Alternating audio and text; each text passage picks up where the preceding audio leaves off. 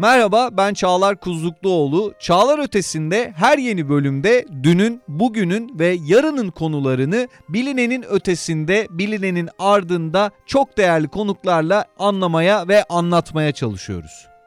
Efendim Çağlar Ötesi'nin yeni bölümüne hoş geldiniz. Bugün e, deneysel iktisatı konuştuktan sonra davranışsal iktisat, davranışsal ekonomi, davranışsal finans diye son yıllarda özellikle Nobel Ekonomi Ödülleri'nin de etkisiyle konuştuğumuz bir mevhumun üzerine gideceğiz. Çok değerli iki konuğumuz var e, yine.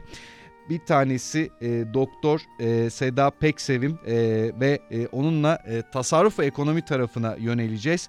Diğeri de e, klinik psikolog e, Elif Peksevim e, bugün bizlerle. E, onunla da aslında e, belki de ekonomiyle ilgili e, son yıllarda daha çok üzerine düştüğümüz e, bilinçaltını ve davranışlarımızın e, mimarisini konuşuyor olacağız. Hoş geldiniz. Merhabalar, hoş bulduk Çağlar. Nasılsın? Merhabalar, hoş bulduk. Teşekkür ederim. Sizleri duydum, daha iyi oldum. Şimdi kısa bir girizgah yaptık ama e, sizden dinleyeceğiz işin detaylarını. Öncelikle biz e, artık çok satanlarda, e, kitapçılarda Richard Taylor ve e, Daniel Kahneman isimlerini e, bol bol görüyoruz. Herkes de merak salmaya başladı ama davranışsal ekonomi nedir? Ortaya çıkışı e, yıl olarak ve fikir olarak tam olarak ne zamana tekabül ediyor? Tabii e, davranışsal ekonomiyi kısaca ve basitçe tanımlayarak başlayabiliriz bence de. Şimdi gündelik hayattan çok daha fazla aslında aşina olduğumuz geleneksel yani klasik ekonomi kuramıyla farkını belki konuşursak davranışsal ekonominin genel bir resmini çizmiş oluruz diye düşünüyorum. E, davranışsal ekonomiyi aslında ekonomi ve psikoloji bölümünün bir kesişim e, kümesi olarak düşünebiliriz.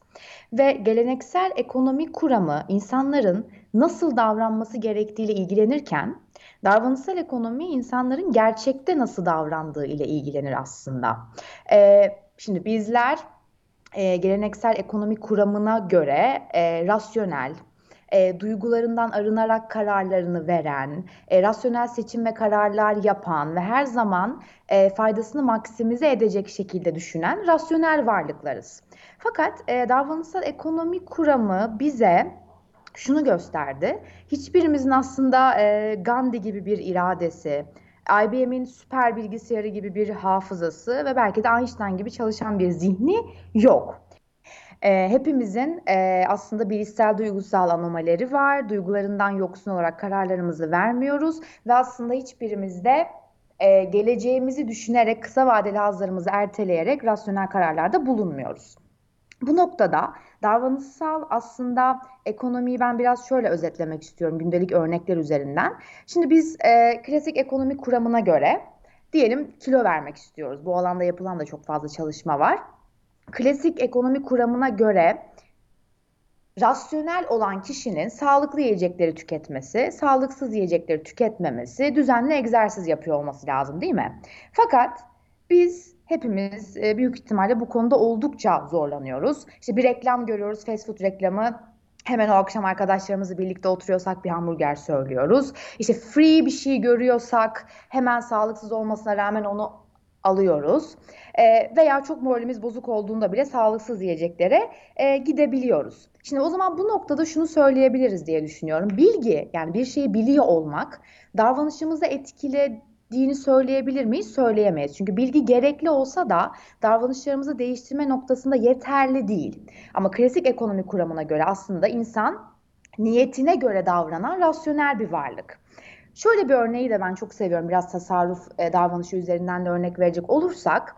E, şimdi tasarruf e, davranışını aslında arttırmak için, insanlara save ettirmek için e, yapılan araştırmalara bakıyorlar. Finansal okur yazarlık uygulamaların etkisi ne?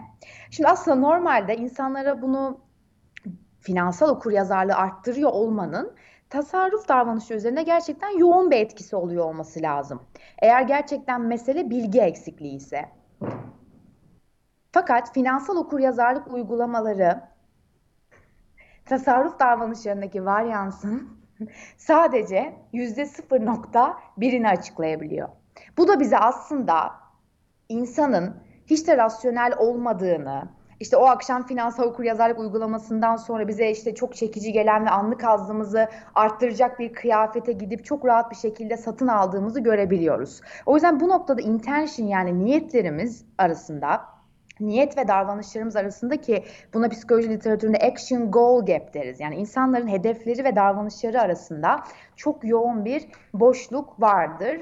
Buradan da aslında klasik ekonomik kuramının e, çok tersine bir şey söylediğini söyleyebiliriz. Davranışsal ekonomi biliminin. Davranışsal ekonomi insanı gayet irrasyonel bir yerden ve birçok bilişsel, duygusal, psikolojik anomali ve önyargıya sahip bir e, varlık olarak tanımlıyor Çağlar aslında. Şöyle aslında e, hepimiz e, bu kitaplarda da e, genelde tanıtım yazılarında yazılıdır. Artık düzenli besleneceğim, spor yapacağım, yeteri kadar uykumu alacağım. E, hatta son yıllarda sosyal medya kullanımımı azaltacağım, e, vaktimi, paramı, her şeyimi e, daha verimli kullanacağım deriz ama genellikle bunu yapmayız. Davranışsal evet. ekonomiyle ana akım ekonominin kabul ettiği e, rasyonel insan ve e, rasyonel olmayan insan diye tanımlayabileceğimiz ayırda vurgu yapıyor. Peki bu noktada hemen tabii şu soruyu sormak lazım ki e, yine Daniel Kahneman'ın Sistem 1 ve Sistem 2'sinde değindiği üzere bir de kayıp kazanç konusu var. Biz mesela e, tasarruf etmeyi genel olarak zihnimizde bulgulara baktığımızda kayıp olarak niteleriz. Halbuki bu bizim için iyi bir şeydir. Ya da kendimize diyelim ki bir kıyafet ya da bir gıda alırız. E, bunun e, o dönemin e, kısa edimli e, süresinde e, bunun bize mutluluk vereceğini düşünürüz ama verdiği zararları da göz ardı ederiz. Aslında belki bir de onu kazanç olarak görürüz.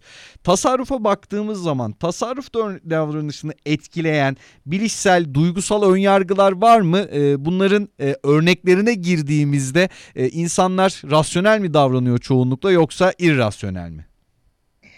Çağlar burada aslında şunu e, özellikle belirtmek istiyorum. E, çok güzel bir noktaya değindin. Elif şimdi davranışsal ekonominin ne olduğunu tanımladı. Ben de istersen bu senin değindiğin konuya biraz geçmeden senin de aslında üzerine e, değindiğin gibi e, biraz prospekt teoriden, beklenti teorisinden bahsetmek istiyorum. Çünkü davranışsal ekonomi aslında beklenti teorisiyle beraber ortaya çıktı. Şimdi baktığımızda Adam Smith'in de e, bir takım prensipleri var bu konuyla ilgili görüşleri var ve davranışsal iktisadın temellerinin burada atıldığı da söyleniyor. E, fakat mihenk taşı olarak kabul edilen Kahneman ve Tversky'nin çeşitli deneyler sonucunda insanlara uyguladıkları çeşitli sorularla oluşan deneyler sonucunda ortaya çıkan beklenti teorisi.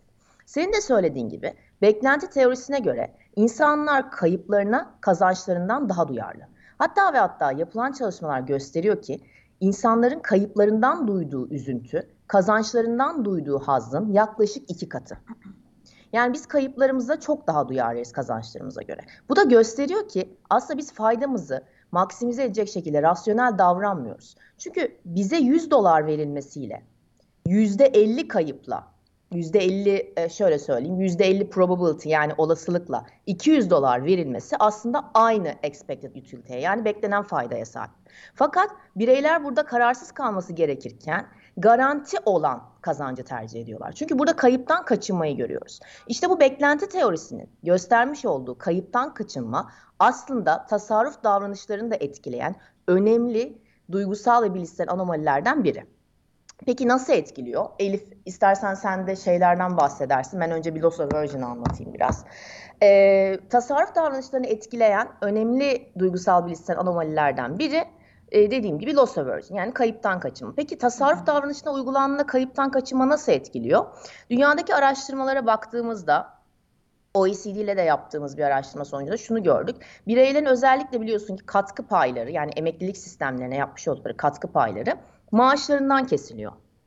Ve bu bireyler, kişiler, insanlar bu kaybı aslında maaşlarından kesildiğini görmek istemiyorlar. Bu onlarda bir kayıp duygusu oluşturuyor. Nasıl bir maaşın yatması onlarda kazanç duygusu oluşturuyorken bu kayıp e, bu kaybı e, maaşlarında bu kesintiyi maaşlarına görmeleri onlarda kayıp duygusunu tetiklediği için insanlar bir bakıma da katkı paylarını emeklilik sistemlerinde arttırmak istemiyorlar ya da kayıtlı olsalar bile bir katkıda bulunmak istemiyorlar. Bu örneği kayıptan kaçınmanın e, tasarruf davranışlarını nasıl etkilediği üzerine verebiliriz. Aslında birkaç tane daha duygusal ve bilişsel anomali var. Elif istersen sen de onlardan bahset. Tabii, e, senin de bahsettiğin gibi loss aversion tabii ki çok büyük bir sebep tasarruf edememe halimizde de. Çünkü kayıp ve kazançları algılayış biçimimiz Seda'nın da söylediği gibi farklı. Hatta ikiye bir oran olduğunu söylüyor araştırmalar. Çağlar ben biraz e, bir başka Bayez'den anomalimizden bahsetmek istiyorum. Sadece tasarruf davranışın değil tabii ki ama gündelik hayatımızı oldukça etkileyen. Present bias e, kendimde de oldukça gözlemlediğim bir bilişsel anomali aslında.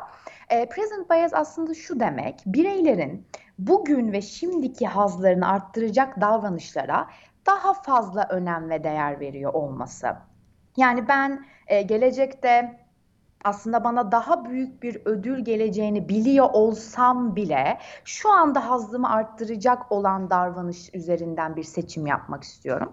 Çok basit bir örnek vereyim. Ee, size diyorlar ki ya Elif biz sana e, şimdi 10 dolar vereceğiz ama bir gün beklersen 15 dolar vereceğiz dediğimde Çağlar ben hazzımı ertelemek istemiyorum ve bir gün sonra daha büyük bir ödül alacağımı aslında entelektüel olarak bilmeme rağmen hemen kısa vadeli hazzımı arttıracak olan seçime gidiyorum ve 10 doları hemen almak istiyorum. Neden kısa vadeli haz kavramını vurguluyorum? Çünkü present bias özellikle psikoloji literatüründe haz erteleme becerisiyle birlikte araştırılan bir kavramdır. Hatta benim e, psikoloji alanında çok e, sevdiğim ve meşhur bir deney vardır. Çocuklar üzerinde yapılıyor bu. Çocukları bir lab ortamına alıyorlar ve diyorlar ki şimdi ben sana bir tane marshmallow vereceğim. Hatta adı da marshmallow experiment bu arada. Eğer beklersen 15 dakika 3 tane marshmallow vereceğim dediklerinde birçok çocuğun aslında anında o marshmallow'u almak istediğini ve beklemek istemediğini görüyoruz. Ve daha da arttıralım bunu. Peki hazzını hakikaten erteleyebilen insanlarla ilgili ne söylüyor bize? Yani present bias aslında daha az düşen bireyler de var. Yapılan araştırmalar hazzını erteleme becerisi yüksek bireylerin gelecekte akademik performanslarının daha yüksek olduğunu görüyorlar ve bu bence çok önemli bir şey. E bunu tasarruf davranışına bağlarsak da şimdi ben bugün e, o kıyafeti almayacağım. Onu alacağım parayı işte koyup biriktirip geleceğim için bir yatırım yapacağım emekliliğimde rahat edeyim diye. Ama bu gerçekten hazzımı e, ertelemem gereken bir durum olduğu için şu ana göre seçimlerimi ve kararlarımı veriyorum.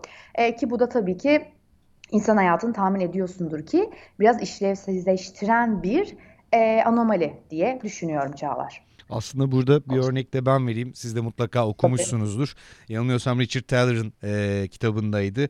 Ortalama e, Amerikan hane halkının piyangolara yılda ayırdığı özellikle belirli grup, e, gelir grubunda bütçe bin dolar e, aynı ailelerin tasarruf etmeleri e, şeyine baktığımızda, eşiğine baktığımızda bunun çok çok altına. Yani biraz bahane de bulmayı seviyoruz. E, homo economicus değil, homo sapiensis diye.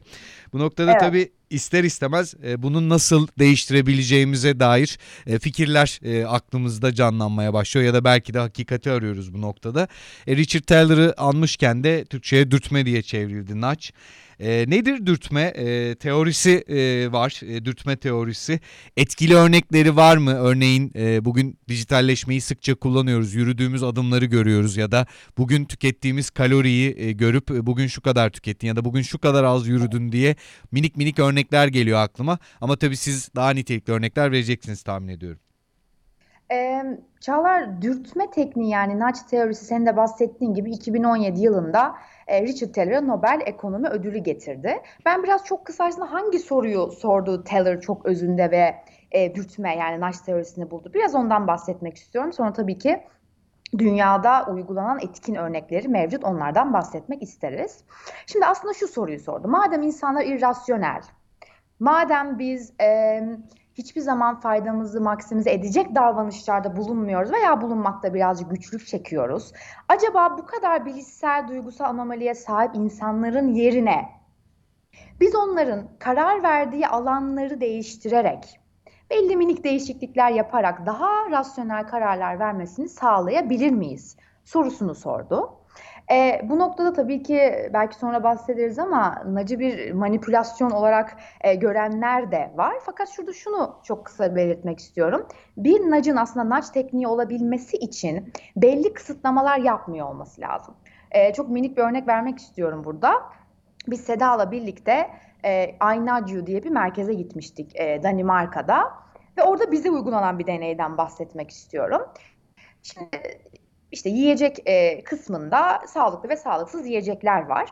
İnsanlara daha sağlıklı yiyecekler tükettirmek istedikleri için şöyle çok basit aslında olduğunu düşündüğümüz bir deney yapıyorlar ama sonuçları çok etkili. Sağlıklı yiyecekleri insanların çok daha dikkatini çekecek, göz hizasında koyup sağlıksız diyebileceğimiz yiyecekleri de çok dikkatimizi çekmeyen, uzak, erişmesi zor yerlere koyuyorlar. Ve hakikaten o gün toplanan datada bile birçoğumuzun daha sağlıklı yiyecek tükettiğini gördük. Şimdi burada şu çok önemli bir şey. Farkındaysan ben istesem sağlıklı olan yiyeceği değil, sağlıksız olan yiyeceği hala tüketebilirim. Yani nac bir kısıtlama değil. Veya işte Elif sen e, daha sağlıklı yiyeceği tüketirsen bak sana şöyle bir discount, indirim uygulayacağız. Şöyle bir free bir şey sağlayacağız da demiyor. O yüzden bir nacın naş tekniği olabilmesi için e, senin kararlarını kısıtlamıyor olması lazım. Sadece gördüğün gibi sadece dikkatimi çekerek bile e, bana sağlıklı bir yiyecek e, tükettirebiliyor. E, belki biraz da Seda başka örneklerinden bahsetmek ister tabii ki. Evet Elif çok güzel bir örnek oldu. Ee, ben gene Danimarka'da uygulanan bir deneyden bahsetmek istiyorum Çağlar. Hatta ve hatta bu deney Covid öncesinde uygulandı. Ee, Danimarka hükümeti fark ediyor ki e, özellikle hastanede yatan hastaların enfeksiyon sebebiyle hayatlarını kaybetme riski oldukça yüksek. Bunun bir sebebi de hasta yakınlarının el dezenfektanını kullanmaması. El dezenfektanı kullanmadıkları için bu sağlık sistemine yaklaşık yıllık 1 milyar Danimarka kronuna bağırılıyor. Çeşitli deneyler, e, finansal teşvikler, cezalar bunların hiçbir dezenfektan kullanım oranı, el dezenfektanı kullanım oranını geliştirmiyor. Burada dürtme tekniğini denemek istiyorlar ve bir danışmanlık firmasına e, bu deney için izin veriyorlar. Burada yapılan deney şu. Şimdi biz insanlara bakıyorlar el dezenfektanı kullanma oranı sadece %3. Bunu nasıl arttırabiliriz dürtme tekniğiyle diyorlar. Öncelikle Taylor'ın da e, dikkat çektiği attention dediğimiz e, dikkati oraya verme e, olayına yöneliyorlar. Yani dezenfektanın öncesinde e, çok e, daha e, aslında ulaşılmayan ters bir yerde olduğunu görüyorlar ve bu yüzden insanların göz hizasına çok daha karşılaşabilecekleri bir yere koyuyorlar. Daha sonra oraya kırmızı bir gene dikkat çekecek bir işaret koyuyorlar kırmızı renkte ve daha da önemlisi bence buradaki dürtme tekniğinin bu kadar etkili olabilmesindeki en büyük sebep sosyal norm tekniğini kullanıyorlar. Bu sosyal norm tekniği nedir? Burada diyorlar ki hasta yakınlarınızın, hastalarınızın hayatlarını kaybetmemesi için el dezenfektanı kullanmanızı öneririz. Bu tarz bir sosyal norm kullanıyorlar. Ve burada insanlarda şöyle bir şey oluyor. Yani sorumluluk hissini aslında insanlara yüklüyor. Yani bu hasta hayatını kaybederse sorumlusu sizsiniz. Sizin el dezenfektanı kullanmama sebebiniz. Bu sosyal norm tekniği sayesinde ve el dezenfektanın yerinin değiştirilmesi ve kırmızı bir alert sign konması sonucunda el dezenfektanı kullanım oranının %3'ten %67'ye yükseldiği görülüyor. Yani sadece çok ufak 3 tane seçim mimarisini değiştiren teknikle bireylerin el dezenfektanı kullanma oranı %3'ten %67'ye çıkabiliyor Çağlar. Bu noktada tabii ister istemez e, gündelik hayatımızda ne kadar çok şeyi yaparak ya da e, yapmayarak e, neleri kaçırdığımız ya da nelere mal olduğumuzu 2020'lere e, girdiğimiz e, tarihten itibaren net biçimde e, deneyimledik. Deneyimliyoruz evet. hala birçok etkisiyle. Bu noktada da ben e, Ignaz Philipp Semmelweis'i anmak isterim. Avusturya Macaristan İmparatorluğu içerisinde o dönem e, antiseptik e, prosedürlerin e, öncüsü. E, bu birçok podcast'te de salgın ve sonra sonrasında e, adı anılan değerli bir bilim insanı ki e, el yıkama ile ilgili e, Viyana Hastanesi'nde e, uygulamayı önerip daha sonra ölüm oranlarını önemli ölçüde azaltacağını e, söylese de o dönem çok dinlenmiyor ama bugün el yıkamanın e, geldiği o kritik öneme hepimiz e, hasıl olduk. Peki e, konuyu e, tıptan e, yine tasarrufa çevirecek olursak dürtmeden bahsettik, teorisinden, seçim mimarisinden bahsettik. Bu kavramları konuştuk. İnsanlar için tasarruf şu an e, bir gereklilikten de ziyade neredeyse artık e, bambaşka bir şeye evrildi. Dürtmeyi insan e, davranışlarında tasarrufa e, evriltebilmek mümkün mü? Tasarruf davranışımız üzerinde nasıl uygulamalarını e, yapabiliriz ya da bunun üzerine neler söyleyebiliriz? Çok teşekkürler Çağlar. Özellikle benim e, yurt dışıyla üzerine çok e, fazla projeyle çalıştığım bir konu bu. Çünkü şimdi e, en önemli davranışsal ekonominin aslında tasarruf davranışlarına e, uygulandığı en önemli örneklerden biri otomatik katılım. Otomatik katılım ilk olarak Amerika'da uygulandı. Daha sonra Yeni Zelanda'da ve İngiltere'de çok büyük başarı oranlarına ulaştı. Şu an İngiltere ile e, yaptığımız çalışmalar gösteriyor ki otomatik katılım sisteminden orada çıkış oranları gelişmiş olan ülkelerde %10'un aşağısında. Bu çok ciddi e, katılımı arttıran bir uygulama ve bence Taylor'ın da Nobel ödülü almasındaki kamu davranışsal politikalarının yani en büyüğü, e, en büyük sebeplerinden biri de otomatik katılım. Otomatik katılıma baktığımızda evet gelişmiş olan ülkelerde biliyorsun çok başarılı oldu ama şimdi Türkiye'de de biliyorsun 2017 yılında e, introduce edildi bu program. 2017 yılından sonra Türkiye'de de tabii ki katılım oranlarını belirli bir derecede arttırdı. Bu hiçbir şekilde otomatik katılım uygulanmamasına göre çok daha iyi bir oran. Bunu kabul etmek lazım. Fakat e, kayıt dışı ekonomide e, düşük gelirli bireylerin ve kadınların hala emekliliğe katılım oranları ve katkı payları oldukça düşük. Şimdi yurt dışında e, ne kadar otomatik katılım başarılı olsa da bunu e, arttıracak yani tasarruf davranışını arttıracak bir takım uygulamalar var. Bunlara aslında dijital dürtü uygulamaları geliniyor. Bu behavioral economics'le yani davranışsal ekonomiyle teknolojiyi birleştiren uygulamalar. Burada bir örnek vermek istiyorum. Bence en iyi örneklerinden biri. Tüketim yoluyla tasarruf platformları. Şimdi biliyorsun ki davranışsal ekonomi prensiplerine gene dayanacağım. Biz anlık hazları uzun dönemli elde edeceğimiz faydalara tercih eden varlıklarız. Immediate gratification var bizde. Bir an önce tüketmemiz lazım ve o gratification'ı almamız lazım. Fakat tasarruf delayed gratification yani ertelenmiş bir haz. Bunu yapmadığımız için e, tüketime yöneliyoruz. Ve buradan ortaya çıkan bu tüketim yola tasarruf platformları da diyor ki o zaman biz tüketimi tasarrufa çevirelim. Yani insanlara tükettirerek tasarruf ettirelim. Peki bu nasıl oluyor? Bu ilk e, örneklerinden biri Meksika'da ortaya çıktı. 2018 yılında Miles for Retirement, Millas para el Retiro denilen bir uygulama. Bu uygulamada bireyler öncelikle kredi kartlarıyla bu Mila e, Paralel Retiro adlı application'a yani uygulamaya kayıt oluyorlar çok basit bir şekilde.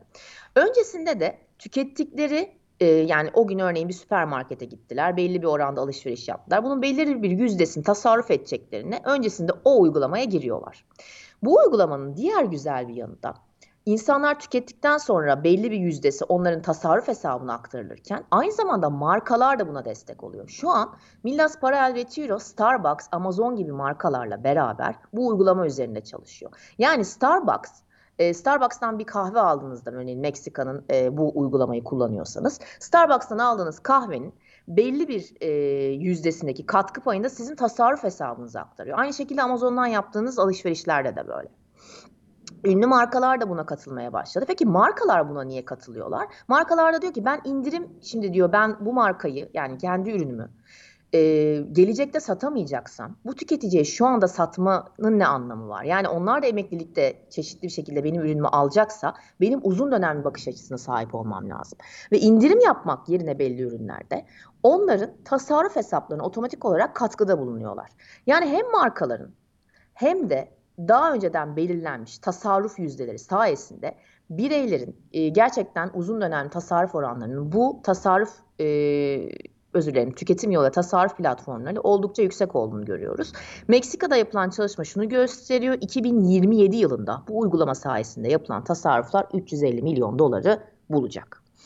Aynı şekilde e, İspanya'da e, Avrupa Birliği tarafından desteklenen Pensuma projesi var. Avustralya'da da kadınların erkeklere göre emeklilik gelirinin %50 oranında çok daha az olduğunu gören hükümet Super and Super adlı bir platformu kadınların emeklilik gelirini arttıracak şekilde gene tüketim yoluyla tasarruf şeklinde uygulamaya başladı. Umuyorum ki ülkemizde de bu tarz dijital dürtü uygulamaları, dijital nudge uygulamaları, art, uygulamaları artarak uzun dönemli tasarruf davranışının çok daha olumlu yönde değişmesine katkıda bulunulacaktır diye düşünüyorum.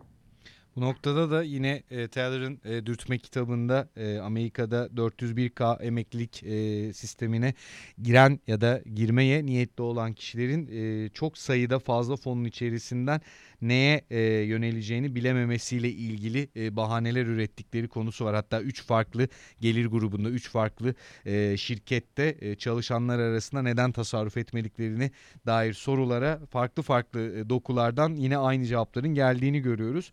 Tabii e, sizin söylediklerinize ilaveten Türkiye'de de 2013 yılından itibaren devlet katkısı var. E, burada devlet katkısının da bir e, teşvikten ziyade bir nevi insanların o e, davranışsal ön yargılarını ortadan kaldırıp bir nevi davet aslında olduğunu herhalde söylemek mümkün.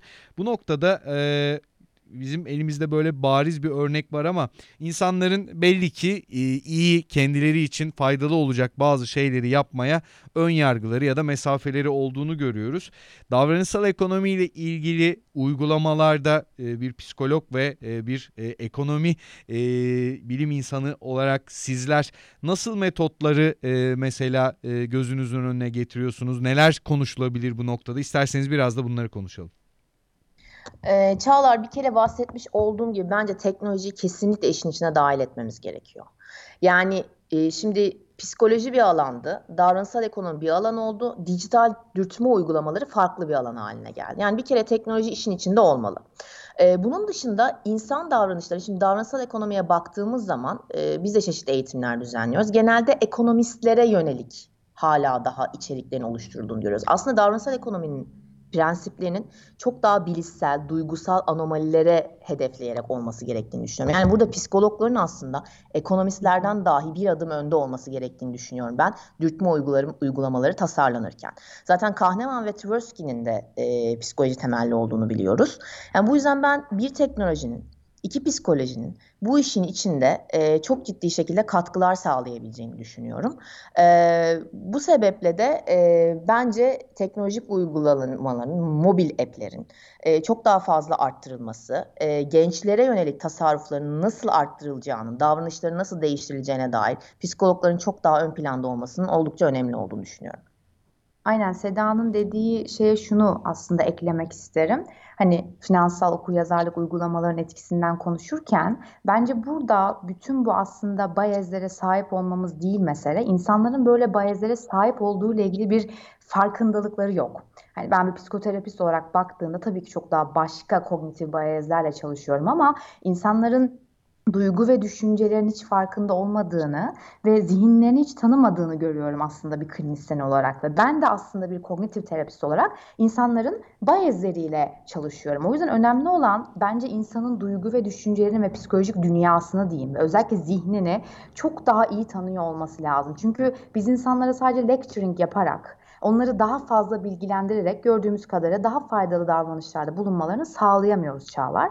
O yüzden bu noktada Bence de daha fazla psikoloğun bu konuda insanların bayezlerine daha fazla farkındalık katmak adına davranışlarda bulunması, belki workshoplar, eğitimler düzenlenmesi gerekiyor. Biz tabii ki klinisyenler olarak bunu seans içerisinde ve başka dışarıda verdiğimiz eğitimlerde yapıyoruz ki çok da büyük faydalarını görüyoruz. Çünkü bize de gelen kişilerin tahmin ediyorsundur ki zaten birçok irrasyonel e, kararları ve seçimleri var hayatlarında. Biz onun tabii ki bizim klinisyenler olarak amacımız onları daha akılcı yapmak değil, duygularını ve düşüncelerini fark etmek ve onlarla arasında mesafe koymak noktasında büyük adımlar atabiliriz diye düşünüyorum. O zaman ikinizin de müsaadesi olursa Delphi Tapınağı'nın girişinde yazan kendini bille e, bitirelim bu keyifli sohbeti. Evet, evet. e, ben de bir şey eklemek istiyorum tabii Çağlar. Ki, tabii ee, ki. Çok güzel bir laf sevdim. Yani düşünen değil hisseden makinalarız diye bir laf var. Gerçekten de öyle. Bence odak noktamız bu olursa e, çok daha başarılı dürtme tekniklerinin geliştirileceğine inanıyorum. Bu kıymetli sohbet için davranışsal ekonomiyi konuştuğumuz her ikinize de çok teşekkür ediyorum. Klinik psikolog Elif Peksevim ve Doktor Seda Peksevim. Tekrar e, birlikte olacağımız e, sohbetlerde yapıyor oluruz ve daha güzel şeyleri konuşuruz umarım. Çok teşekkürler davetin için Çağlar. Çok teşekkürler Çağlar. Çok teşekkürler. Sağ ol. Efendim Çağlar Ötesi'nin e, bu bölümünün daha sonuna geldik. Burada kıymetli katılımcılarımızla beraber Atatürk'ü e, saygı ve e, özlemle anarak e, yok e, analım e, ve e, tekrar yad edelim. E, bir sonraki Çağlar Ötesi'nde tekrar görüşmek ümidiyle hoşçakalın.